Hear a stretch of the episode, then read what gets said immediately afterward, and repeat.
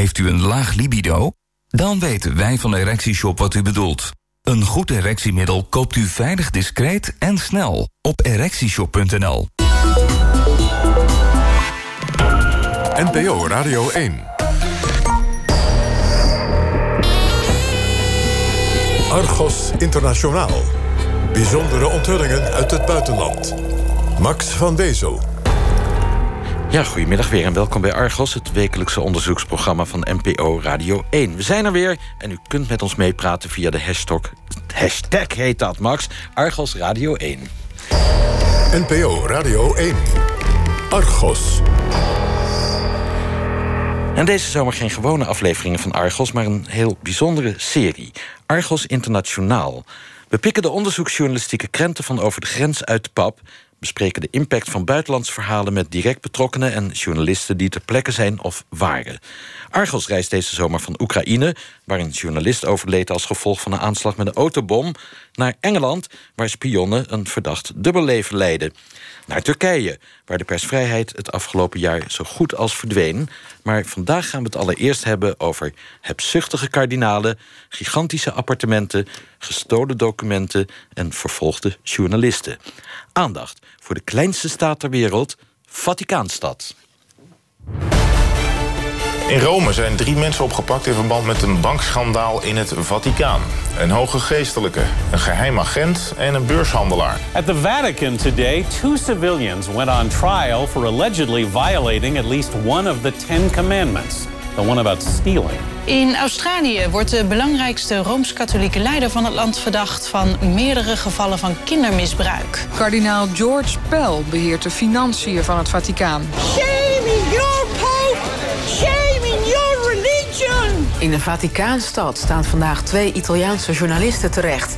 Ze worden ervan beschuldigd dat ze geheime informatie hebben gepubliceerd. De twee schreven boeken over geldverspilling en hebzucht van Vaticaanse bisschoppen. Je hoort het, saai is niet aan het pauselijke hof.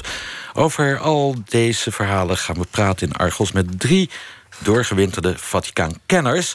Correspondent Andrea Vrede in Italië. En aan tafel hier in Hilversum journalist Stijn Vens. Hij werkt op dit moment bij Dagblad Trouw. En communicatieadviseur Jan Willem Wits. Welkom alle drie. Goedemiddag. Ja, dat moet je, je hallo. Goedemiddag, ja. Nou, welkom. Buongiorno.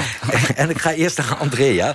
Eh, jarenlang was je de vaste Italië-correspondent van de NOS uiteraard. De laatste jaren richt je je eigenlijk exclusief op eh Vaticaanstad. Nou ja, als ik al dit soort verhalen daarnet hoor... is het een weektaak? Nou, dat zou ik niet willen zeggen hoor. Ik hou me ook met heel veel dingen wat betreft Italië bezig. Maar inderdaad, het Vaticaan, de kerk, Vaticaanstad, alles wat daar omgaat, dat is toch sinds 2005, hè, het overlijden van Johannes Paulus II, het conclaaf, het conclaaf van 2013, dat Franciscus koos, is toch wel iets waar, waar je steeds mee bezig bent. Wat je altijd bijhoudt, altijd mee, bezig bent om te lezen, na te kijken, door te spitten en op de hoogte te blijven. Stijn Vens, jij volgt het eh, Vaticaan al jaren. Eerst voor omroepen als RKK en KRO, nu voor Trouw, zoals gezegd. Eh, wat speelt er op dit moment? Nou, er is op dit moment eh, een eh, proces bezig tegen twee ziekenhuisbonzen van het pauselijke kinderziekenhuis Bambino Gesù. Die hebben eh 400.000, ruim 400.000 euro weggesluist om daarmee een, het, appartement van een kardinaal op te knappen. Kijk, het is nooit saai, maar het is ook nog eens buitengewoon geestig af en toe, want dit verzin je niet. Die, dat, dat proces is, dat, dat, dat, loopt. En dat is eigenlijk het laatste grote schandaalverhaal uit het, uit het Vaticaan.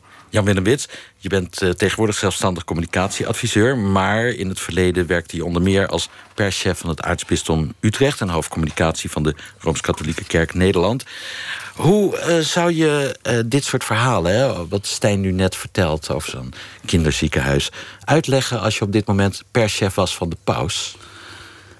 Dat kan je natuurlijk niet uitleggen. Eh, ik zou het alleen eh, kunnen duiden als eh, affaires die pa- passen binnen een bepaalde cultuur, een Italiaanse cultuur, in combinatie met een Vaticaanse cultuur. Wacht even, Italiaanse cultuur zonder te generaliseren... maar dan denk ik aan nepotisme, cliëntelisme... En uh, denk aan uh, 4000 jaar bureaucratische ervaring. Uh, en daarmee dus ook ervaring om nieuwkomers van buiten... die het anders willen, om alles te doen om te voorkomen dat het anders gaat. Want semper idem, altijd hetzelfde blijven... dat is nog steeds een groot ideaal in het Vaticaan. En Franciscus is zo'n nieuwkomer? Dat is zo'n nieuwkomer. Iemand van buiten die vindt dat, hij het, dat het anders moet. En vervolgens heeft hij allemaal mensen om zich heen die zeggen... hoezo?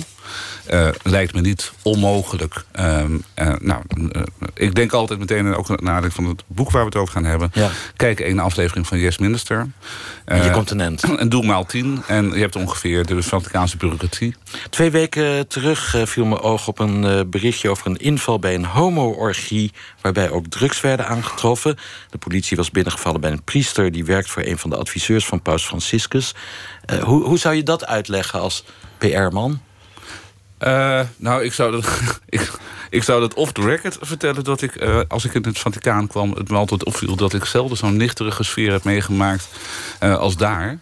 Um, en, en, dat ik me altijd erg heb verbaasd dat een organisatie die toch ook regelmatig zich keert tegen homoseksualiteit, kennelijk vol zit met mensen die toch over een gezonde mate van zelfhaat beschikken. Um, dus ik vind de, de, homoseksualiteit en het Vaticaan, uh, dat, dat, dat zit heel dicht op elkaar. En dat betekent ook dat mensen chantabel zijn. Uh, omdat mensen in, buiten hun werk zich bezighouden met activiteiten die toch wat op gespannen voet staan met wat de katholieke kerk verkondigt. En hoe zou je het on the record uitleggen? geen commentaar. Dankjewel. Jan-Willem verraadde het al even. We gaan het hebben over een boek. De afgelopen jaren verschenen een aantal journalistieke bestsellers... met onthullingen over Vaticaanstad. De meeste waren van de hand van twee Italiaanse onderzoeksjournalisten... Emanuel Fittipaldi en Gianluigi Nuzzi. Zij wisten allebei de hand te leggen op vertrouwelijke documenten... die rechtstreeks van de burelen van de paus... of iemand in de directe omgeving van de paus leken te komen. Stijn, we hebben jou gevraagd je favoriete boek over de katholieke kerk... en over het Vaticaan uit te kiezen. Je keus viel op de kruistocht van de genoemde journalist Nutsi. In Nederland verschenen bij uitgeverij Balans. Waarom juist dit boek? Nou, het is een, uh, het is een, uh, het is een toch wel heel erg knap boek. Een heel belangrijk boek ook. Want het laat eigenlijk zien door middel van ja, wat we van hem gewend zijn. Uitgelekte documenten. Uh, dan rechtstreeks hem bezorgd door mensen in de buurt van de paus... of uh, zelfs van het bureau van de paus. Dat de financiële hervorming... Hè, die paus is daar gekomen, die Franciscus... met het idee van, ik ga de boel daar transparanter maken. Ik ga de stal eens even goed schoonvegen. Nou, en het begint bijvoorbeeld, dat boek... met, een, met het geluidsopname, of tenminste de transcriptie daarvan... van een bijeenkomst waar de paus eigenlijk heel veel mensen de wacht aan zegt. Hij zegt, mensen, die financiën moeten transparant zo kan het niet langer. En het bijzondere van dat boek nu is dat dat langs allerlei monseigneurs, bankrekeningen, geblokkeerde uh, van, van bisschoppen, uiteindelijk achter in het boek min of meer tot een desastreuze uh, conclusie komt is dat die, die financiële hervorming helemaal niet is opgeschoten. En het geeft wederom een ontluisterend beeld toch van het Vaticaan. De paus wil, is van goede wil, maar wordt gewoon tegengewerkt door zijn eigen mensen. En we, kijk, er is natuurlijk een beetje een naïef beeld geweest... Bij, uh, ook bij veel Nederlandse katholieken... van de, onder deze paus wordt alles, ander, wordt alles anders. Hè? En nu blijkt dat dat toch wel... Uh, ja, dat daar wel iets over te zeggen valt. Als je aan uh, paus Franciscus denkt... denk je vooral aan iemand die weer een kerk voor de armen... ja. kwetsbare wil. Maar dit gaat over geldzaken. Kijk, dit gaat over geld. Hij, zat natuurlijk, hij kwam daar in, in, de, in, de, in de slipstream van het, van het eerste Fettilix-schandaal. Dat was met die butler die allerlei documenten... van het bureau van de paus van Paus Benedictus had gebruikt... onder de kopieerapparaat had gelegd en aan Nuzzi had gegeven. Dat is eigenlijk zijn, was zijn eerste boek, Sua Santita, Zijn Heiligheid. En dat ging ook al over geld. Dat ging ook over geld. Dat ging over, nou ja, een prachtig voorbeeld uit dat eerste boek... als ik dat even mag geven, is ja, we kennen allemaal de kerststal... die elk jaar het Sint-Pietersplein uh, siert. Nou, die stond in de boeken voor 500.000 euro. Maar bleek in feite maar 150.000 euro te kosten. Dus er, er, stroomde een hele hoop geld in de zakken van mensen die er helemaal geen recht op hadden. Dus de, de, de stal van Bethlehem als een witwasfabriek. Ja, dit, in die wereld kwam hij. En, dat, en dat, hij heeft, ik weet zeker dat hij het boek heeft gelezen. Dus hij wilde korte metten maken. Hij wilde die bank aanvallen, hè? Die, die Vaticaanse bank. Waar je toch met een miljoentje, wat je, waar, je niet goed is, waar, je, je naar mij naartoe moest kon je daar, dat ging er, haal, ging er zwart in in het Vaticaan. En het kwam op de Cayman-eilanden uit. Dus hij wilde schoon schip maken. En dat verwachten mensen ook van hem. De Vaticaanse bank was een soort uh, witwasfabriek. Wordt witwasfabriek. En hij denkt ook uiteindelijk dat hij is gekozen door eh, laat maar een buitenstaander de boel daar eens opknappen. Ik hoop dat het met die bloemen van Dank voor de Bloemen... wel, wel allemaal netjes gaat. Volgens mij hoeven ze daar niet voor te betalen, maar ja. Je weet het niet zeker. Andrea, je hebt het boek ook gelezen. Wat, wat vind jij eh, ja, de grootste misstand? Nou, wat ik zo, gewoon chockerend vond, was om te zien wat een enorme financiële puinhoop het binnen het Vaticaan is. Het zijn eigenlijk al die uh, pauselijke raden, congregaties, al die noem ze maar ministeries van Vaticaanstad, van de kerk, zijn eigenlijk allemaal kleine koninkrijkjes geworden die gewoon er maar op los deden. Er, is, er was geen enkele transparantie, zoals Stijn al zei. Uh, vriendjespolitiek, cliëntelisme, corruptie, het inderdaad bevoordelen van bevriende ondernemers. Het was eigenlijk uh, nog een heel eclatant voorbeeld. Hè. De gelovigen in de hele wereld geven een donatie aan de kerk hè, uit hun goede hart. Dat heet de Petruspenning. Daarvan is het de bedoeling dat dat naar de armen gaat, dat naar liefdadigheid gaat, naar goede werken. Nou, we weten nu uit het boek van Nuzzi dat 67% van al die gelden gewoon gestopt werden eh, in, in plekken om gaten te dichten in begrotingen en helemaal niet terechtkwamen waar het hoorde. Dus de, de, de omvang van de puinhoop, dat vond ik wel buitengewoon uh, chockerend. En hoe kan het dat het geld niet bij de armen terechtkwam zoals de bedoeling was? Omdat er nergens een fatsoenlijke boekhouding werd bijgehouden. Het was eigenlijk, uh, men, men, deed er maar een beetje op los. Kijk, je moet wel bedenken. Um, jarenlang hebben de pausen eigenlijk weinig aandacht besteed aan de interne administratie. Iemand als Johannes Paulus II, 26 jaar lang paus, was niet geïnteresseerd in het dagelijks bestuur van de kerk, in de controle. Uh, eigenlijk is men een beetje zijn eigen gang gegaan. Onder Benedictus is dat eigenlijk voortgegaan, want die was niet in staat om diepgravend te hervormen. Een van de redenen waarom hij ook zelf gezegd heeft: ik stap op, want iemand anders die beter kan, die fysiek, mentaal beter in staat is om hier tegen, tegen in te gaan, die moet het van me overnemen. Dus um, Franciscus komt en ziet zich gesteld over, tegenover een enorme hoeveelheid gekonkel en gedoe. waar eigenlijk helemaal niet van duidelijk is waar je mee moet beginnen. Hij begint met hervormen. Ik wil er nog even een kanttekening bij plaatsen. Ja. Het boek van Nuzzi dat, is, dat beschrijft uh, de periode 2013-2014. Ja. We zijn nu in 2017. 17. De paus doet wel degelijk zijn best om dingen te hervormen. Heeft nieuwe ministeries gecreëerd, heeft dingen samengevoegd. Heeft een ministerie van uh, Financiën, zou je kunnen zeggen, gecreëerd met die kardinaal George Pell aan het hoofd. Misschien ja, niet zo'n verstandige keuze. keuze misschien, nee. Maar, nee. goed, maar het is wel, er gebeuren wel dingen. Je merkt dus inderdaad dat de tegenstand gigantisch is, maar de paus gaat nog steeds door met zijn pogingen, met kardinalen, met zijn staf, om de zaak transparanter en helderder te maken. Jan Willem, wie heeft op financieel gebied de macht in de curie, in het bestuur van het Vaticaan, als dat niet de paus zelf is?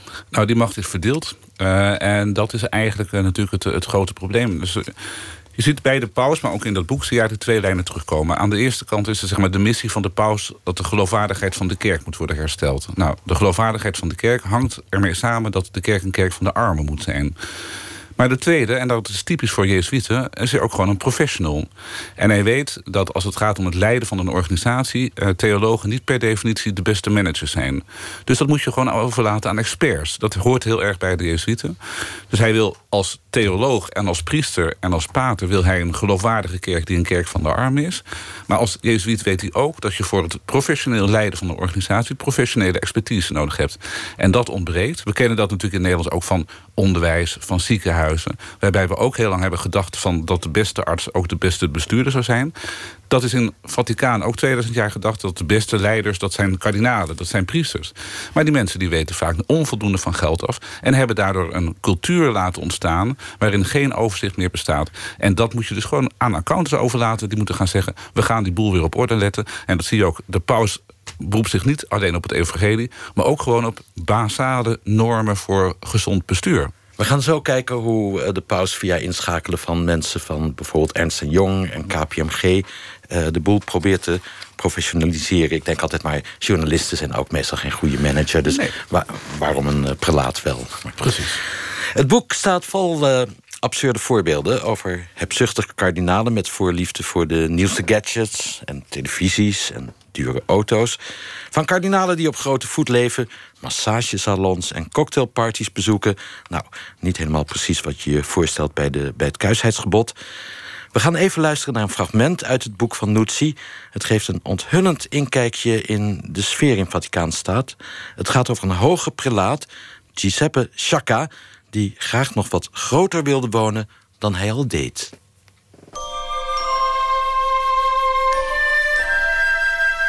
Hoe dan ook, Shaka is niet in zijn sas met zijn woning, want die vindt hij echt te klein. Hij wil een ander appartement, ruimer en comfortabeler. Maar hij weet niet hoe hij dat moet aanpakken. Hij kan alleen maar de juiste gelegenheid afwachten. En op een noodlottige dag doet die gelegenheid zich voor. Het enige wat hij nodig heeft is wat cynisme en sluwheid. En het is geregeld. De monseigneur weet hoe hij te werk moet gaan... en met de snelheid van een roofdier bedenkt hij een plan dat zo gedurfd is... dat het nu nog altijd ongelooflijk klinkt. Chaka heeft het gemunt op de woning van zijn buurman. Een nederige priester op leeftijd met een kwakkelende gezondheid... die met een non in huis woont en nog maar weinig de deur uitkomt. Niemand ziet hem meer rondlopen in het Vaticaan. Vandaar dat de secretaris inlichtingen inwint. Hij wil weten wat er met zijn buurman aan de hand is. En hij ontdekt dat de arme priester al enkele maanden voortdurende verzorging en medische onderzoeken nodig heeft. Op dat moment ligt hij in het ziekenhuis, aangezien hij dringend specialistische hulp nodig heeft. Er doen intussen steeds meer geruchten de ronde over zijn gezondheidstoestand. Velen menen dat hij op sterven ligt en waarschijnlijk niet meer zal terugkeren in zijn appartement. En wat doet Chaka? Een verrassende zet. Hij belt het bouwbedrijf waar hij nauwe banden mee heeft en wijst op de scheidingsmuur tussen de twee appartementen en verzoekt die gedeeltelijk af te breken om zo een doorgang te creëren. Hij heeft meer kostbare vierkante meters nodig om een comfortabele woning te creëren. Verbaasd voeren de bouwvakkers de opdracht uit. Als er eenmaal een bres in de muur is geslagen, gaan ze de woning van de priester binnen. Binnen een paar uur is de klus geklaard.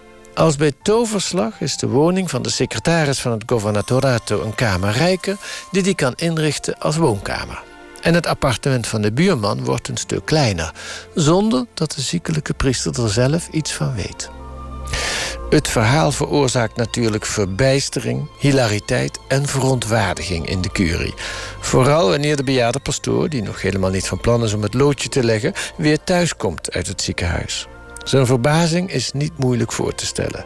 Zodra hij over de drempel stapt, snapt hij dat er iets niet klopt. Zijn appartement is veranderd. Het heeft een kamer minder. De man is echter te oud om te protesteren en het recht te laten zetten.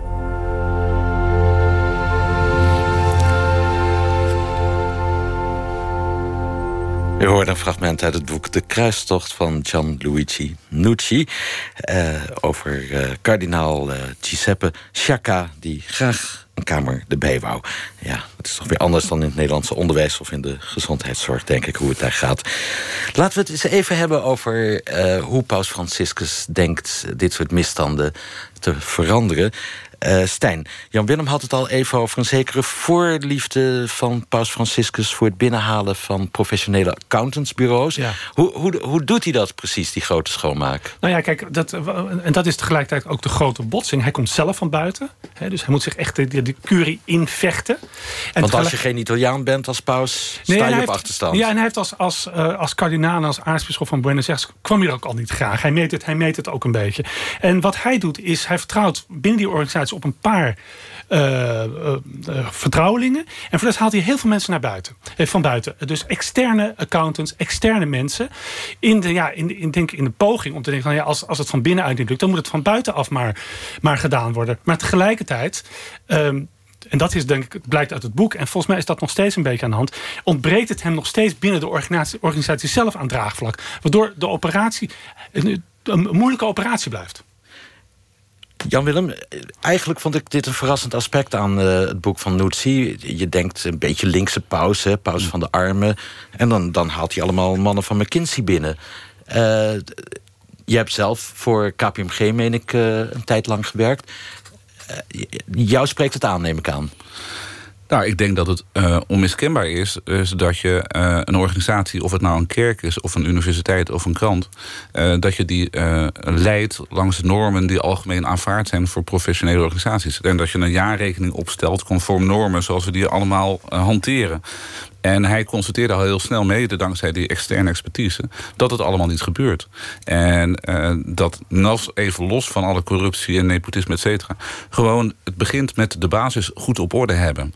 En, en sommigen denken dat dat voor de kerk niet nodig is in het Vaticaan. Maar dat is voor de kerk ook nodig, want dan heb je pas grip.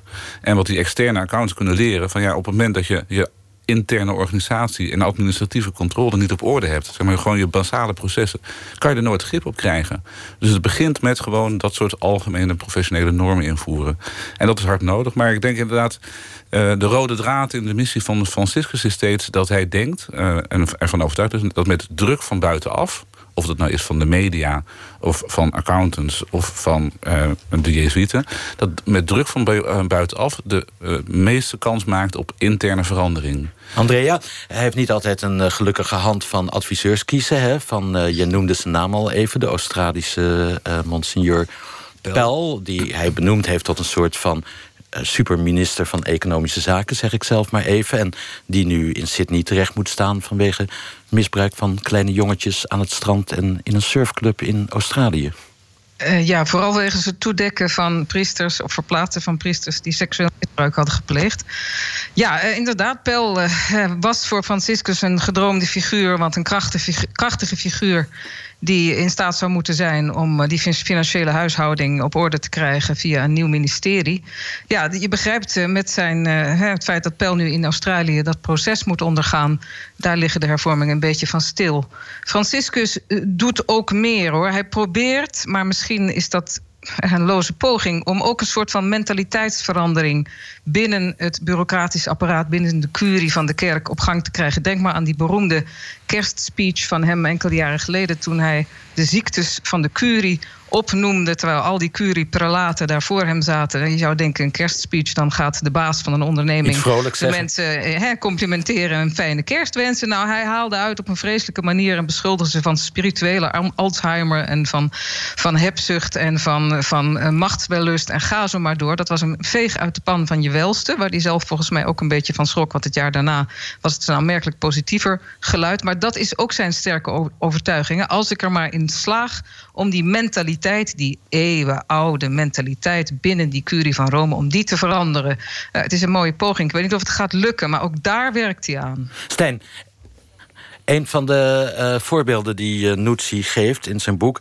is uh, dat de paus wil dat kardinalen en bisschoppen... niet meer in dure limousines door Rome rijden... maar in, in kleine Fiat 500'tjes en kleine Fiat Pandatjes. Ja. Heel lief, denk ik dan, maar ja... ja nee, het is ook een beetje een heel klein beginnen. Hij, hij, geeft natuurlijk zelf het goede voorbeeld. Hij rijdt volgens mij zelf in een in Ford Focus uit 1993. Dat is wel hilarisch. En dan gaat hij naar de, naar de Italiaanse president... wordt voorafgaan allerlei ook wel tweedehands, hoop ik. Ja, tweedehands. En dan komt allerlei paarden en dan, dan allerlei veiligheidswachten. En dan komt uiteindelijk hij er in zijn, in zijn Fiat en in zijn Ford Focus achteraan. Kijk, um, de, ik, enigszins naïef is het ook wel. Kijk, uh, André heeft gelijk. Hij, probeert, hij doet echt vreselijk zijn best. En hij heeft een plan. Hij wil die mentaliteit echt veranderen. Maar kijk, je kunt van alles besluiten. Je kunt een, een, een, een boomlange Australische kardinaal aanstellen... als soort superminister van Economische Zaken. Hij is ook heel groot. Hij is heel groot. Ik heb hem ontmoet. Hij, wordt een beetje, een beetje, hij, wil hij zou vroeger Australische voetballer willen worden. Uh, zoals voetbal ruig. ruig. Um, maar hij is, de, de, achteraf gezien is de benoeming van Pel toch een ontzettende misrekening geweest. Pel was al niet populair in het Vaticaan. Uh, en uh, hij is gewaarschuwd, luister, je haalt er iemand binnen met een besmet verleden. En dat kan jouw mooie plannen voor hervorming nog wel eens in de weg gaan zetten. En die, die, die mensen hebben gelijk gekregen. Andrea, ehm, dat boek van Nuzzi. Wat was de reactie in Italië op dat boek? Ontstond er grote verontwaardiging? Het, het schijnt wel op grote schaal gekocht te zijn. Ja, het was, het was natuurlijk een, een bom die insloeg in de kranten. In eerste instantie ging het in de kranten en op de media, op de televisie en radio heel erg over: oh jee, wat een schandaal en wat komt er allemaal om, omhoog. Maar je zag eigenlijk vrij snel dat vooral uh, katholieke media uit katholieke hoek, maar ook het Vaticaan zelf, zich niet zozeer ging richten op de inhoud er werden geen artikelen geschreven om te zeggen van het is niet waar en uh, het is allemaal vals en het zijn allemaal leugens. Nee, men ging zich juist heel erg richten op de manier waarop de documenten verkregen waren. Nuzzi zou zijn papieren, die geheime documenten van een onderzoekscommissie benoemd door de paus, illegaal hebben verkregen. En daar gingen ze allemaal bovenop. Dus eigenlijk zag je dat men probeerde om het accent te verleggen hè, van naar de inhoud van het boek. Nou ja, daar durven we niks over te zeggen, want dat is blijkbaar misschien toch wel gewoon waar. Naar de manier waarop de documenten verkregen waren. En toen kreeg je dat er een onderzoek werd gestart door de justitie van het Vaticaan naar eh, Fittipaldi, maar ook naar Nuzzi. En dat ze zijn gearresteerd en dat ze zelfs een proces aan hun broek ook hebben gekregen wegens het illegaal verkrijgen en publiceren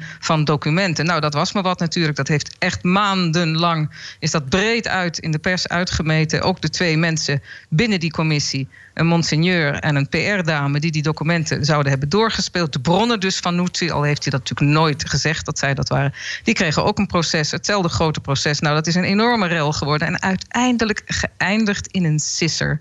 Want de rechtbank van het Vaticaan heeft uiteindelijk moeten zeggen dat ze niet de bevoegdheid hadden om de journalisten te veroordelen. Die konden acht jaar cel krijgen, moet je nagaan, te veroordelen. Want ja, het misdrijf was niet binnen Vaticaanstad gepleegd. En zij waren ook geen functionarissen van Vaticaanstad. En bovendien, en dat vond ik wel opvallend, in, die, in dat vonnis wordt dan gezegd dat ook het Vaticaan persvrijheid uh, respecteert. Kijk, kijk. Dus En- en- uiteindelijk enorme rel, maar niks. En wie zijn er wel veroordeeld? Uiteindelijk zijn eh, de monseigneur en de PR-dame allebei veroordeeld. Maar de PR-dame eh, heeft gratie gekregen. De monseigneur is ook op vrije voeten gesteld. Zijn straf is niet, zijn veroordeling is niet ongedaan gemaakt. Maar uiteindelijk hebben ze er allebei toch betrekkelijk weinig last van gehad. En waarom heeft eh, de PR-dame die is veroordeeld in het Vaticaan de bijnaam de seksbom? Nou ja, als je een foto ziet. dat is wel een klein beetje. Het is een hele charmante advocate eh, met een prachtige naam. Francesca Chauqui heet ze. En ze, is, eh, ja, ze heeft ook in allerlei interviews gezegd op een gegeven moment dat die monseigneur met wie ze in de commissie zat, eh, seks met haar heeft gehad. En nou ja, ehm, ze heeft het nogal flink aangepakt om, om zichzelf ook een beetje vrij te pleiten. En voor zover ik weet heeft ze ook na het hele proces er een boek over geschreven. Waarschijnlijk ook wel centjes aan te verdienen. Ja, het is wel een, het is wel een ding, zo'n dame, hè, zo'n sexy dame erbij. Zeker voor eh, die prelaten. We gaan zo verder. NPO Radio 1. Argos. En u eh, luistert naar een speciale zomeruitzending van Argos. We praten met drie Vaticaandeskundigen over kritisch onderzoek naar het Vaticaan. Correspondent Andrea Vrede in Italië, communicatiedeskundige Jan-Willem Wits en journalist Stijn Vens bespreken een onthullend boek over financiële schandalen binnen Vaticaanstad, De Kruistocht van Gianluigi Nuzzi. Andrea vertelde eh, Jan-Willem al over dat het tot een proces tegen die journalisten en hun mogelijke bronnen kwam. Eh, zou jij dat als PR-expert hebben aangeraden, zo'n proces voeren? Ik zou het niet hebben aangeraden, maar ik herken het wel van heel veel situaties. Eh, namelijk dat eh, organisaties of mensen die in beeld komen eh, vanwege slecht gedrag. dat die zich niet als een dader gaan opstellen, maar als een slachtoffer. Denk aan een voormalige voorzitter van de VVD. Eh, dus dat is een, een geliefde strategie om te zeggen van ja, eh, ik wil het niet hebben over wat ik gedaan heb. Maar ik ben het slachtoffer van een mediaoorlog, trial by media of van anderen of van verraders. Nou, dat kan intern eh, heel goed uitwerken, maar meestal lukt het niet. Want meestal zeggen mensen van ja, je doet wel alsof je een slachtoffer bent, maar je bent uiteindelijk toch de dader die verantwoordelijk is over zijn of eigen gedrag. Maar in het geval van het Vaticaan is dat in ieder geval gepoogd om te zeggen van wij zijn het slachtoffer van allemaal hele gemene mensen en journalisten die tegen ons zijn. Nou ja, en en Nuzzi heeft, heeft, eh, heeft tegen mij ook verteld dat, dat hij... Dat het Jij Vaticaan kent? Ja, ik heb hem eh, ook geïnterviewd over dit boek in Milaan. En hij vertelde mij dat, dat, dat hij zelf vond dat het Vaticaan daar eigenlijk wel in geslaagd was... om de aandacht af te leiden van de inhoud. We spannen een proces aan en ging het maandenlang over dat proces. En had op een gegeven moment eigenlijk niemand er meer over wat er nou in dat boek stond. Wat is het voor man, Nuzzi? Ja, het is een, ik, ik, vergelijk- ik weet niet of Andrea daarmee eens is, maar ik vergelijk me een beetje met Peter R. de Vries. Hij heeft, eh, naast dat hij boeken schrijft over het Vaticaan en over de corruptie daar, heeft hij een, eh, een programma Quarto Grado. Daar lost hij eh, onopgeloste moordzaken in op. Het is ook een bekende figuur in Italië. Als je met hem in Milaan over straat loopt, wordt hij continu aangeklampt door mensen. Want een Het is televisiebekendheid. een televisiebekendheid.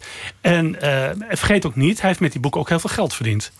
Hij komt ook uit, terug. ja, Jan-Willem. Hij komt ook uit de Berlusconi-stal, hè, Nuzzi? Ja, dat is, hij, hij werkt nu volgens mij voor een kanaal van, van Berlusconi. Ja. Dan denk ik gelijk van, ja, misschien zijn er toch dubbele agenda's... of, of onderlinge afrekeningen tussen Berlusconi... die weer boos kan zijn omdat eh, het Vaticaan een beetje kritiek had... op zijn parties op Sicilië.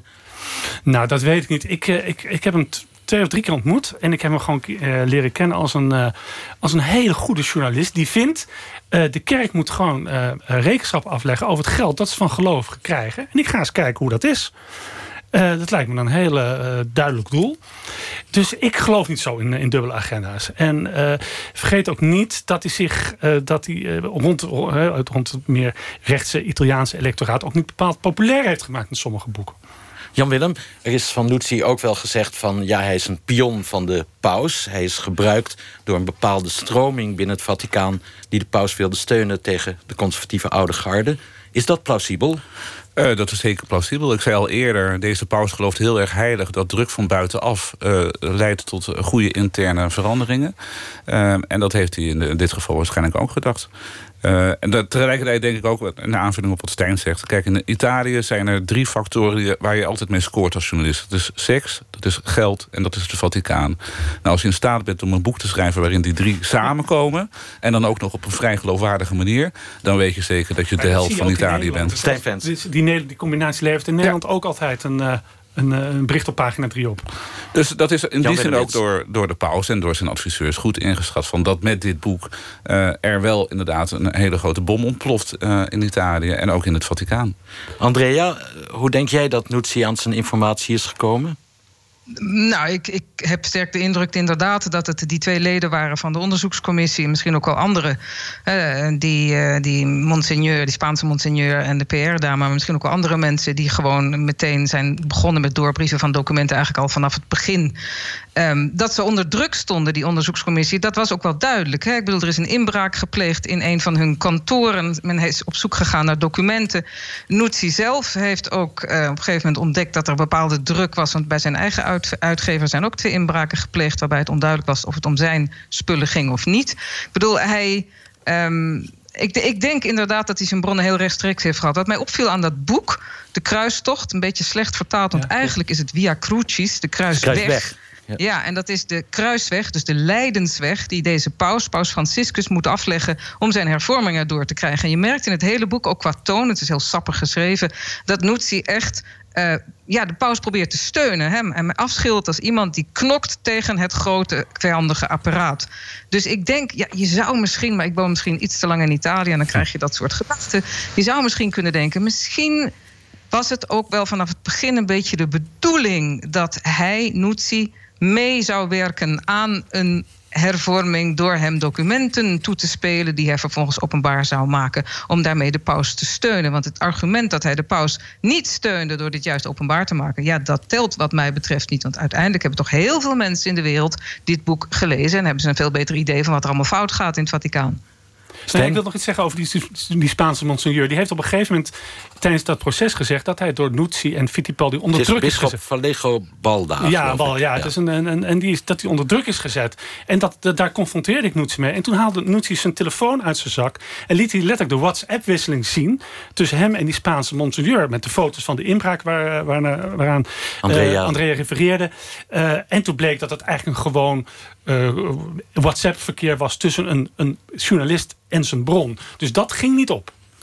Andrea, ook jij hebt Nutsi geïnterviewd, namelijk begin deze week op ons verzoek. Uh, het ging over de tegenwerking die hij van de conservatieve vleugel in het Vaticaan heeft gekregen. Misschien even luisteren naar een uh, korte montage van dat gesprek, waarin uh, daarover vertelt. Allora, prima faccio la domanda in olandese, poi in italiano. Heeft deze tegenwerking die u ondervonden heeft, heeft die gevolgen gehad voor uw manier van werken, of voor uw manier om bijvoorbeeld gevoelige gegevens te beschermen? Beh, sicuramente una persona deve, un giornalista deve, deve difendersi da questi attacchi. Faccio la traduzione.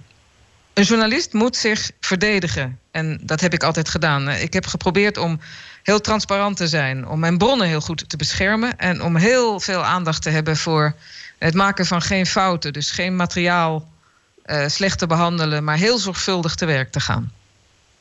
We hebben gehoord dat u misschien wel uh, een, een USB-stick onder, om uw nek droeg met gegevens om ervoor te zorgen dat die beschermd bleven. Sì, io faccio sempre copia del materiale su quale lavoro, lo lascio in copia a due notai diversi. Altijd kopieën van al zijn materiaal maakt. En zeker twee kopieën. En die gaan naar twee verschillende notarissen. Uh, sowieso zorgt hij ervoor dat hij altijd zoveel mogelijk kopieën heeft. zodat eigenlijk het materiaal beschermd blijft. Er was ook iets gebeurd voor de publicatie van het boek. Zijn er maar liefst twee inbraken geweest bij de uitgeverij die zijn boek heeft uitgegeven. Er is daar niets gestolen, maar nou ja, het leek wel uh, een gevaarlijke situatie. Gianluigi, ti ringrazio tantissimo. Bene, Ce l'abbiamo fatta. Buon lavoro. Grazie, Grazie. grazie a te. Ciao. André- Andrea Vrede van de Week in gesprek met eh, onderzoeksjournalist Gianluigi Nuzzi. Schrijver van het boek De Kruistocht, dat eigenlijk De Kruisweg moet heten. We gaan eh, doorpraten over journalistiek en Vaticaanstad. Want ja, zo te horen moet je toch veel omwegen bewandelen om eh, iets te weten te komen. En dan heel voorzichtig omgaan met je informatie, dat het weer niet gestolen wordt. Ik denk dat ik dat voortaan ook ga doen in de wandelgangen van het Binnenhof. Alles op een USB-stick. Nee, dat is het toegangspasje van het NOS-gebouw. Anders Ook kom je hier belangrijk. helemaal niet in. Ja. en Zeker niet meer uit. Eh, hoe doen jullie het zelf eigenlijk, Stijn? Eh, je bent altijd eh, werkzaam geweest vanuit Nederland... maar heel vaak naar Rome en Vaticaanstad afgereisd. Hoe, hoe kwam jij altijd aan je informatie? Nou ja, ik ben geen noetsie, dus de mensen komen niet naar mij toe. Ik heb ook het grote nadeel is dat ik, dat ik Nederlands ben. Kijk, eh, eh, wij, we hebben eigenlijk op dit moment als Nederland niet meer iemand in de, in de curie zitten, in het bestuursapparaat. Ik heb al wat contacten en dat, ja, die, die bel ik wel eens. En ik ga er ook wel eens mee eten. Wie zijn je contacten? Er zijn mijn contacten. En Wie die- zijn je contacten? Ja, dat ga, ik je, ga ik je straks op een USB-stick zetten en dan mag jij om je, om je nek houden. Waar ga je met ze eten? Nou, dat zijn al heel genoeg fijne restaurants rond het Vaticaan. En dan Noem soms, eens een eh, hele goeie. Wat zeg je? Noem eens een heel goed restaurant. Nou, La Vittoria is een heel goed restaurant. Oké. Ja. Kun je ook. Maar dan, eh, ja, dan, dan soms check je dingen en soms hoor je eens wat. En ik, eh, kijk, ik, het is vrij moeilijk om echt documenten boven tafel te krijgen. Maar vaak krijg je wel de hoe is de stemming? Hoe is de stemming rond de paus heen? En dat vind ik al heel wat. Dan kun je de sfeer, de couleur je- lokaal. Ja, en, ik, en, je, en je checkt soms informatie. Maar het is voor een Nederlander denk ik lastiger... dan voor eh, iemand als Nuzzi of Fittipaldi. Andrea, hoe pak jij dat aan? Want ja, het is bijna zo gesloten als het Kremlin. Eh, ja, ik ben het met Stijn eens hoor. Het is, het- ik heb ook een aantal, eh, laten we zeggen, negatieve eigenschappen. Ik ben ook een Nederlander, ik ben bovendien een vrouw en ik ben niet katholiek. Dus dat is al drie keer helemaal Je fout. bent ook niet katholiek. Nee, ik ben niet katholiek. Nee, ik kijk je van kunt je. Jan Willem heeft zich ook bekeerd. Is, ja, Bevalt heel goed. is- dat eh, zie ik voorlopig niet gebeuren. Eh, ik, ik benader het Vaticaan heel erg vanuit een historisch, sociaal, politiek eh, idee. Hè, van, dat is mijn invalshoek. En ik ben erg geïnteresseerd in de hele manier waarop het werkt. Maar het is daardoor ook erg moeilijk. Ik weet nog dat ik voor het eerst mezelf accrediteerde bij het persbureau van het Vaticaan. En toen bij de onderdirecteur van destijds, een priester, mocht komen voor een kennismakingsgesprek. Zo gauw hij hoorde dat ik Nederlands was en niet katholiek, was het gesprek afgelopen. Dus dat geeft wel aan dat eh, ik vooral het moet hebben van eigenlijk een soort tweede lijnswerk. Wat ik doe, is heel veel Vaticanisten kennen. Italiaanse Vaticanisten, maar ook Nederlandse dus. Maar ook Engelse, Amerikaanse. Dat kan allemaal heel makkelijk via het persbureau daar. Ik lees ze, ik volg ze, zowel de meer progressief getinte... Hè, de meer hervormingsgezinde als de hele conservatieve.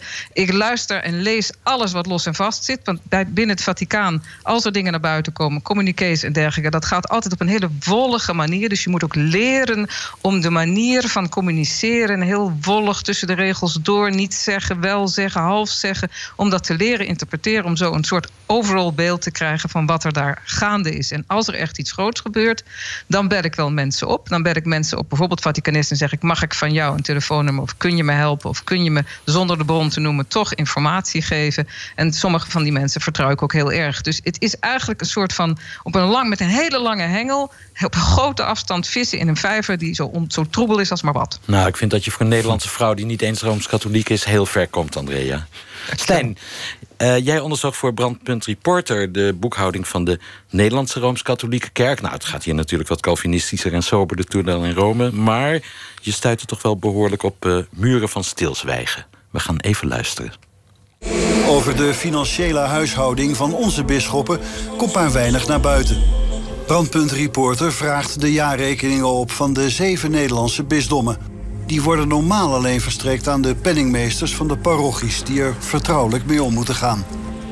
Nou ja, maar u snapt het voordat wij stukken eh, eh, beschikbaar stellen... dat we graag willen weten wat ermee gebeurt en wat voor informatie u eruit wil hebben omdat het wellicht de verkeerde stukken anders zijn. eh, of dat het wellicht stukken zijn die een uitgebreidere toelichting vragen... om er de juiste conclusies uit te kunnen trekken. Weinig medewerking dus, zo lijkt het. Ja, je bent niet ver gekomen, hè? Nee, ik deed het trouwens niet alleen. Het was samen met Elisa Bergman dat, Ja. dat ik dat eh, gemaakt heb. Nou ja, het mooiste vond ik dat, dat we die stukken opvroegen. En eigenlijk een beetje vanuit het idee van uh, Noetsi. Van, nou ja, de mensen in Nederland laten geld naar aan de katholieke kerk. Schenken geld aan de katholieke kerk. Hoe wordt dat eigenlijk besteed? Een hele simpele vraag. En dat de, vaak de reactie toch was, ja, eh, wat, wat gaat u er dan mee doen? Alsof we eigenlijk aankondigen dat we de boel in de fik kwamen steken. En dat is ook een beetje te maken dat, dat ik eigenlijk toch eigenlijk eh, norma normale vragen die je bij een bedrijf, groot bedrijf staat. En dat is de kerk. Hè? Dat is, het Vaticaan is een multinational. Beleggingen in Parijs. Beleggingen, in Parijs, maar ook hier. Londen, Mayfair. De, de, de Nederlandse bisdommen be- be- beleggen ook. Daar gaan ook miljoenen in om. Eh, gewoon, dat is normale transparantie. Maar dat, dat, dat, dat was toch heel moeizaam. Jan Willem, als communicatie-expert en oud-woordvoerder van eh, de Rooms-Katholieke Kerk Nederland. Waarom die defensieve gesloten houding? Het is 2017. Omdat het al 2000 jaar op deze manier gaat. Dus ehm, ik heb een keer een Nederlandse bisschop die tegen mij zei... naar aanleiding van een of ander schandaal... de enige aan wie ik verantwoording hoef af te leggen is aan God. Ehm, en dat zit heel erg diep in de cultuur. De cultuur is een andere dan de cultuur die wij inmiddels gewend zijn. Een cultuur van transparantie en verantwoording. Eh, dat zijn twee waarden die eh, binnen de katholieke kerk niet bestaan. Zoals bijvoorbeeld ook een, een cultuur die we nu normaal vinden van, van een scheiding van machten. Zeg maar dat je eh, ook je eigen tegenmacht organiseert. Hè? Raden van commissarissen, eh, kamers, et cetera. Dat bestaat binnen de katholieke kerk niet. Dus de bisschop of de paus eh, heeft ook theologisch gezien... gewoon nog steeds de rol van een alleenheerser... die aan niemand verantwoording af te leggen. Feodale kerk. Is een feodale ka- dus een monogaal systeem. Daarvan is het gekopieerd. Zeg maar, het systeem van de katholieke kerk is gewoon het systeem van het Romeinse keizerrijk. Ehm, en eh, de bisschoppen zelf hebben er geen behoefte aan om dat aan te passen aan deze tijd.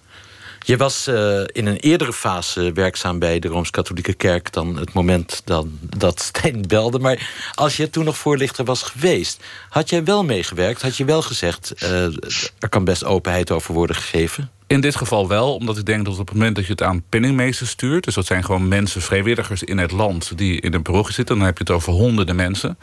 kan je niet meer zeggen dat het een, dus een vertrouwelijk document is. Hè. Dan, dan weet iedereen in de communicatie... op het moment dat zeg maar, een kring waarin je documenten verspreidt... wanneer die groter is dan vijf of tien mensen... dan is het onzin om dan nog te zeggen van ja, dit zijn vertrouwelijke documenten. Als je het al zeg maar, ten principale beschikbaar stelt aan anderen... ook al zijn het vrijwilligers in de lokale kerken... dan is het ook geen enkele moeite om het gewoon transparant te maken. En dat hebben ze uiteindelijk ook gedaan. Hoe moeilijk had jij het in jouw tijd met jouw baan? Enerzijds de kerk dienen, anderzijds openheid willen geven als voorlichter. Hoe erg botste dat bij jou? Dat botste soms wel. Ehm, kijk, en ik denk uiteindelijk, en dat geldt zowel in Rome als in Nederland in de katholieke kerk, een heel belangrijk verschil met andere organisaties, is toch het klerikalisme. De basis van de kerk, eh, dat zijn priesters. En priesters, dat, zijn, dat kunnen, wij, kunnen wij niet worden. En dat betekent dat dat toch een soort eigen eh, bolwerk vormt, een eigen elite vormt, eh, waar je als buitenstaander ook altijd buitenstaanders zult blijven. En dat maakt het anders ten opzichte van een kamer of een bedrijf, waar iedereen in principe in staat is om de baas te worden. Eh, en dat is dus bij de katholieke kerk niet. Dus het klerikalisme, het uiteindelijk ervoor kiezen om jezelf te zien als een onderscheiden entiteit. Dat maakt ook dat zeg maar, gewone vragen van gewone mensen... dat je zegt van ja, maar ja, je hebt er toch geen verstand van... en dat ga ik gewoon geen antwoord op geven. Dus dat klerikalisme is een heel groot gevaar. En dat maakt het dus voor een leek, ook al ben je communicatieprofessional... heel lastig om op een gegeven moment te zeggen van ja... en toch moeten we hiermee naar buiten. Of hier moeten we toch over communiceren. We praten nu ruim drie kwartier over de geslotenheid van het Vaticaan en de Rooms-Katholieke Kerk Nederland en hoe moeilijk het is om daar onderzoek naar te doen. Toch is juist eh, Paus Franciscus een soort eh, liefdesbaby van de media geworden. Hij laat zich graag fotograferen tussen de armen, kust voor het oog van de draaiende camera's de voeten van gevangenen en houdt persconferenties in een vliegtuig. Stijn Fens en Jan-Willem Wits, twee van onze gasten, jullie weten als geen ander hoe dicht je bij Franciscus kunt komen. Want jullie hebben de paus in 2015 geïnterviewd voor de Utrechtse daklozenkrant. Samen met dakloze en krantenverkoper Mark. En dit is wat Mark over Franciscus zei. Toen, ik hem binnen zag komen, toen dacht ik van... ehm, wat een eenvoudige man. Hij leeft ook eh, op een hele eenvoudige manier. Hè, want hij, hij woont ook in Santa Marta. Dat is het, eh, het gastenverblijf van het eh, Vaticaan. Hij woont niet in het Vaticaan, want hij zegt zelf... de deur is te klein en het Vaticaan te groot. Dus, eh, en hij staat 's morgens gewoon met zijn ontbijtbordje tussen het personeel... zo'n ontbijtje eh, samen te stellen. hij gaat gewoon bij de mensen zitten en eet gewoon zijn ontbijtje op. Het is een hele eenvoudige man. Stijn, hoe spannend vond jij het om Franciscus voor de dakloze krant te mogen interviewen? Nou, dat was natuurlijk een. Uh, kijk, ik zeg altijd wat voor uh, de, een bergbeklimmer de Mount Everest is. Dat is voor een religiejournalist een interview met de paus. Maar dan teken ik gelijk bijna aan dat er veel minder mensen de paus hebben geïnterviewd dan er bergbeklimmers zijn dus die de Everest hebben. Het is nog mooier. Ja, het is nog mooier. Ja, kijk, voor mij was ik, ik stond op, op mijn twaalfde op het Sint-Pietersplein. Uh, en, en daar is de bliksem ingeslagen toen Johannes Paus II daar werd gekozen. Dus voor mij was het een droom die uitkwam. Dankzij het briljante idee, moet ik zeggen, van Jan Willem. Want dat was zijn idee. En tegelijkertijd als je eenmaal binnen bent en hij komt binnen, dat beschrijft Mark wel goed, was het eigenlijk een genoeglijk onder onsje met een lieve opa die in Rome woont. Jan Willem, want jij hebt bedacht, als we het nou vragen voor de dakloze krant ja. en niet voor trouw, mm -hmm. want dat had gekund, want daar werkt Stijn. Dan komen we er misschien binnen bij de paus van de armen. Nou ja, juist ook omdat ik natuurlijk heel vaak als voorlichter... Uh, interviewverzoeken heb gekregen van alle mogelijke journalisten... ook zeg maar tot met de Nieuwsuren en de Jeroen Paus... die vonden dat zij wel een interview met de paus konden regelen. En dan begon ik altijd heel erg hard te lachen... van nou, je bent gewoon volstrekt kansloos als een Nederlandse journalist. Dus ik wist twee dingen. Ik wist, A, je moet een originele invalshoek kiezen... en een journalistieke invalshoek. Zeg maar gewoon, ik ben van trouw, dat gaat niet werken. En B, je moet... Zo protestants, hè? Ja, maar dat, dat, en dat past dus ook op de cultuur van verantwoording. Dus de, hoezo? Uh, en het tweede is inderdaad van... je hebt gewoon een informeel netwerk nodig... om ervoor te zorgen dat het bij de paus persoonlijk terechtkomt... en niet blijft steken bij de afdeling voorlichting. Nou, en, en met die twee randvoorwaarden... Uh, door het gesprek wat ik had met, met de dakloze krant... over hoe kunnen we onze uh, bekendheid vergroten... dat waren de twee haakjes waarmee het uiteindelijk is gelukt. Met heel veel wachten. Nou heb ik het interview uiteraard gelezen... zoals, zoals alle interviews in de Utrechtse dakloze krant natuurlijk. Um, wat me opviel is, uh, ja, het geeft een vertederend beeld van de jeugd in Argentinië van uh, Paus Franciscus, de huidige Paus Franciscus. En dat hij voetballer wilde worden, maar dat eigenlijk niet kon. En zijn linkerbeen niet goed genoeg was en zo. Maar alle dingen waar we het nu vanmiddag over hebben, corruptie, hebzucht en zo, dat, dat hebben jullie niet aangekaart, hè, Jan-Willem? Nee, dat was ook een bewuste keuze. dat was ook niet de aard van het interview. Het was ook uiteindelijk eigenlijk ook tot onze blije verrassing... Uh, eigenlijk nog veel meer een ontmoeting van Mark met de paus... Uh, binnen de context van een interview. En in die ontmoeting van twee mensen... van een paus die de basis van Rome... en een dakloze en een straatnieuwsverkoper... die iedere dag voor de HEMA in, op de Oude Gast staat... die ontmoeting was eigenlijk ook op dat moment nog veel spannender... en veel mooier dan wat wij aan allerlei kritische vragen konden bedenken. Dus het was niet de insteek van het interview... en het had ook... Het had, nou, het had niet gepast. Het, het, was niet passend geweest. En ik denk dat Stijn en ik allebei zoiets aanhouden van... dit is gewoon een mooi verhaal. En we moeten nou niet beginnen te zeuren over de vrouw in het ambt. Want dat past helemaal niet binnen de setting. Abortus, euthanasie. Ja, nee, we wilden. Het was gewoon een menselijk verhaal. leven. Ja, het was gewoon een menselijk verhaal. Uh, het, het, was een ontmoeting. Um, en het was met name ook de symbolische betekenis dat een paus die iedereen wil ontmoeten, maar dat hij drie kwartier in zijn agenda vrijmaakt om uh, een meneer uit Utrecht te ontmoeten. Een voormalige dakloze die iedere dag bij de HEMA straatnieuws verkoopt. Die symbolische betekenis en ook die steun voor alle daklozen over de hele wereld... dat was uiteindelijk de missie van dit gesprek. Stijn, uh, paus Franciscus profileert zich graag als de paus van de armen en kwetsbaren. Uh, droomt van een arme kerk die het ook voor de armen opneemt. Hè. Uh, Welke indruk kreeg je nou? Is dit een hele slimme mediashow van Franciscus of, of was het authentiek? Nee, want ik heb ik, ooit heeft een, ander, een van de consultant van een wat ander niveau dan Jan Willem tegen mij gezegd. Zeggen ze zo, in Rome, dat zit natuurlijk allemaal van mannetjes om die paus heen die dat allemaal bedenken. En nou, volgens mij niet. Volgens mij kijk, en dat is het ook de grote op, opgave die je als paus hebt. Want je wordt op je 76ste, uh, krijg je een heel, heel ander leven. Is jezelf, de man is gewoon zichzelf, maar, het, maar is niet gek. Het is een buitengewoon slimme strateeg en, een, en, en ook een politieke paus. Hij heeft een plan met die kerk. En dat voert hij uit. Tegelijkertijd heeft hij ook wel door... ik kan wel roepen, die kerk eh, van de armen voor de armen... als ik zelf in limousines ga rondrijden... in een heel groot paleis ga wonen... dan komt dat niet over. En dat is misschien eigenlijk wel het verschil met zijn voorganger... die, als je nou naar die toespraken gaat kijken... eigenlijk ook hele stevige dingen over armoede heeft gezegd. Maar die had een uitstraling van een, bijna van een vorst... met zijn bontmatteltjes. En die woonde wel in dat Rode paleis. Schoenen. Rode schoenen. Uh, dit, dit, is geen, dit, dit is geen mediamachine. Dit is eigenlijk iemand die uh, aan een visioen bouwt, die aan een nieuwe kerk bouwt. We komen langzamerhand toe aan de vraag: krijgt dit uh, tragisch verhaal toch een eh, happy end voor paus Franciscus. Gaat het hem lukken zijn hervormingen, ook zijn financiële hervormingen, door te voeren en eh, de woekeraars uit de tempel te verjagen? En van de kerk een echte kerk van armen en kwetsbaren te maken. Andrea, wat is jouw voorspelling? Ik denk dat, het, um, dat er wel dingen veranderen, maar ik vraag me af of we niet over 15 jaar zullen terugdenken aan Paus Franciscus en zeggen: Goh, weet je nog, die rare Argentijn, die wilde alles anders doen en we zitten toch een beetje meer met meer van hetzelfde. Ik denk wel dat hij er fantastisch goed in slaagt, maar dat heeft dan niet zozeer met de financiële hervormingen te maken. Even teruggrijpend op wat net gezegd werd, om uh, de kerk op een bepaalde manier binnen de moderne mediatijd te brengen. Als er een hervormingje is geslaagd, dan is het langzaam maar zeker de vervorming van het hele communicatiesysteem aan het worden. Hij heeft een nieuw ministerie van Communicatie opgericht. Radio, televisie, alles gaat nu samen, wordt centraal beheerd. Ook de centen daarvan. En deze paus eh, is ook overal op de media aanwezig. Hij heeft onlangs een TED-talk gedaan. Zo. Hij is op Twitter continu aanwezig. Hallo. Hij maakt prachtige YouTube-filmpjes. Die verzint hij, dat verzint hij niet zelf natuurlijk. Maar hij wil die boodschap zo goed mogelijk uitdragen. En zijn mediamensen, hoofd van het persbureau nu bijvoorbeeld, is Greg Burke. En dat is een Fox News-journalist een deskundige dus, niet een priester. Kijk, die mensen die helpen hem enorm.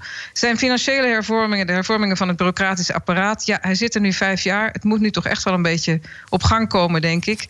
Um, er zal wat veranderen, maar ik denk dat het zo moeilijk is in het Vaticaan om een steen, van, een steen te verplaatsen. Heb je een eeuw nodig. Dus ik heb er een beetje een hard hoofd in. Jan-Willem, als communicatie-expert, erg blij met deze mediapaus? Nou, zeker. En het uh, bijzondere is natuurlijk uh, uh, dat hij die eeuwenoude boodschap van het evangelie verbindt met moderne leiderschapsinzichten. Het lijkt soms wel alsof hij een hoogleraar in uh, Nijrode of Fontainebleau is. Een beetje de bedrijfskunde aanpakken. Practice, practice, what, you, practice what you preach. walk the talk. Dat doen CEO's over de hele wereld. Authenticiteit. nou, dat is deze paus als geen ander. En dat maakt hem ook zo populair in deze tijd. Omdat hij alles goed doet wat een CEO hoort te doen. Of het ook effectief is om het Vaticaan op de knieën te krijgen. Dat is nog maar de vraag. Ik denk dat hij vooral hoopt dat wat hij doet... dat het voor een nieuwe paus uh, het onmogelijk maakt... om het allemaal weer terug te dragen. En ik denk dat hij dan al heel erg blij is. Stijn Vens, we stuiten eigenlijk op een paradox. Een paus die extern zijn werk geweldig goed doet... maar waar hij eigenlijk voor is gekozen... het hervormen van de curie en van de financiële wantoestanden... bij de Vaticaanse bank en zo... waarschijnlijk gaat falen door tegenwerking.